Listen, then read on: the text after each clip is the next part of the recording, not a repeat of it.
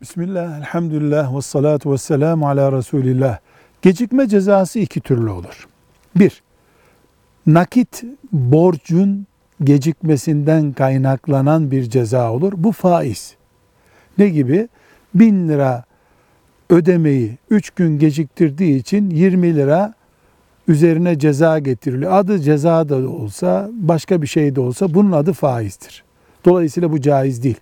Ancak bir iş akti için gecikme söz konusu olursa, mesela müteahhit evi 12 ayda teslim edeceğini söz vermiştir.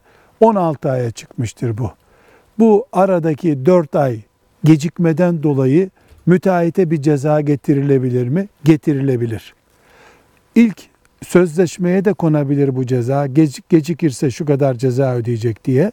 Daha sonra bilir kişiye müracaat edip bu aradaki fark da ödenebilir. Mesela terziye e, takım elbise sipariş veren birisi haftaya filan gün hazır olacak demiş de bir hafta bunu geciktirmişse bu bir iş geciktirmesidir. Buna bir ceza getirilebilir.